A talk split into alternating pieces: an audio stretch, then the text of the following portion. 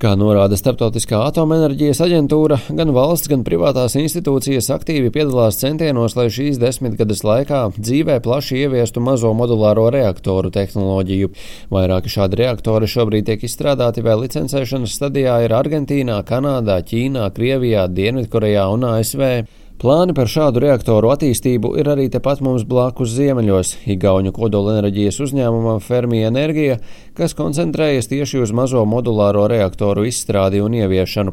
Kā sarunā ar Latvijas radio skaidroja uzņēmuma valdes loceklis Henrijs Ormus, pieprasījums pēc šādas enerģijas ir liels gan Igaunijā, Latvijā, gan Lietuvā, gan arī Somijā, un tirgum ir nepieciešama tīra enerģija. The, to build two small reactors. Mūsu plāns kā minimums ir izbūvēt divus mazos reaktorus un maksimums četrus reaktorus, un četri reaktori nozīmē kopumā 1200 MW elektrības. Sākumā vēlamies sakārtot papīrus četriem reaktoriem, tad sākt ar pirmo divu būvniecību un tad skatīties, kā mums soks, un tad izlemt par vēl citu reaktoru būvniecību Viena reaktora izmaksas ir aptuveni 1 miljards eiro. Pirmais 300 MW reaktors tiks salikts Kanādā, stāsta Ormus, norādot, ka pirmais reaktors varētu būt gatavs un sākt darbu 2031. gada beigās. Ormus uzsver, ka reaktoru būvniecību saredz kā reģionālu projektu. Akciju turētāji ir gan no Zviedrijas, gan Beļģijas. Uzņēmumam ir sadarbība arī ar Somiju un meklēti tiek arī citi partneri. Uh, Igaunija nav sala un visi esam vienā sistēmā, visa Baltija ir vienā sistēmā, tādēļ redzam to kā reģionālu projektu. Tādēļ arī jau esam parakstījuši memorandu ar Latviju Energo, lai meklētu sadarbības veidus arī ar Latviju. Tam noteikti ir jābūt reģionālam projektam, jo pieprasījums pēc tīras un uzticamas enerģijas Baltijā ir augsts. Piemēram, Igaunijā mums lielākā daļa no elektrības iegūstam no degslānekļa, un visas šīs iegūs vietas ir ļoti vecas un tiks slēgtas 2030. gadu beigās, un tas rada problēmas mūsu elektrības tirgumu.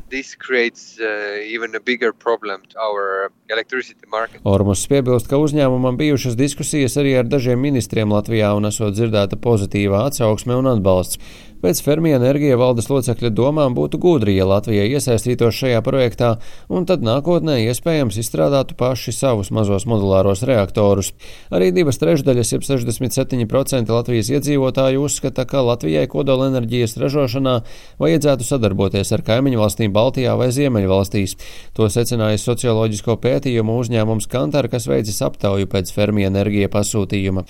Tas, kādēļ arī Latvijā tiek runāts par kodolenerģiju, ir saistāms ar attīstību attīstības tendencēm kaimiņu reģionos.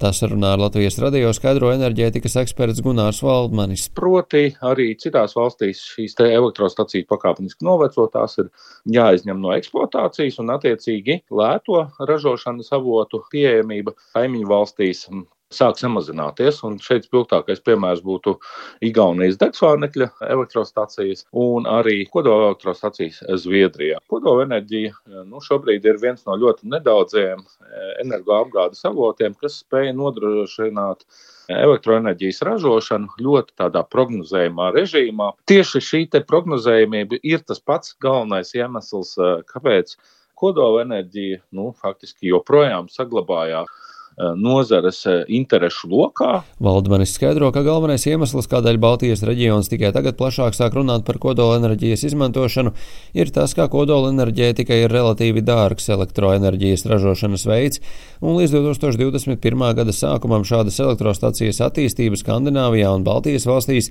vienkārši nebija rentabla. Sabiedrībā bieži vien izskan tāds aplams mīts, ka tikai lielas valstis var atļauties attīstīt kodolenerģētikas objektus apvienojot spēkus vairākām valstīm kaut kādā maģiskā veidā, pēkšņi tas kļūtu iespējams. Tā ir ļoti liela aplamība. Galvenais šķērslis ir faktiski tas, cik eh, jau ražošanas procesā maksā elektroenerģijas izstrāde un vai tirgus sēdz darbinieku algas, sākotnējie kapitāla ieguldījumi un citi jautājumi. Un pat apvienojot, jārēķinās, ka, protams, šīs izmaksas nemainās. Latvijas iesaiste Igaunijas uzņēmuma Fermija enerģija projektā noteikti būtu vēlama, lai gūtu zināšanas un pieredzi.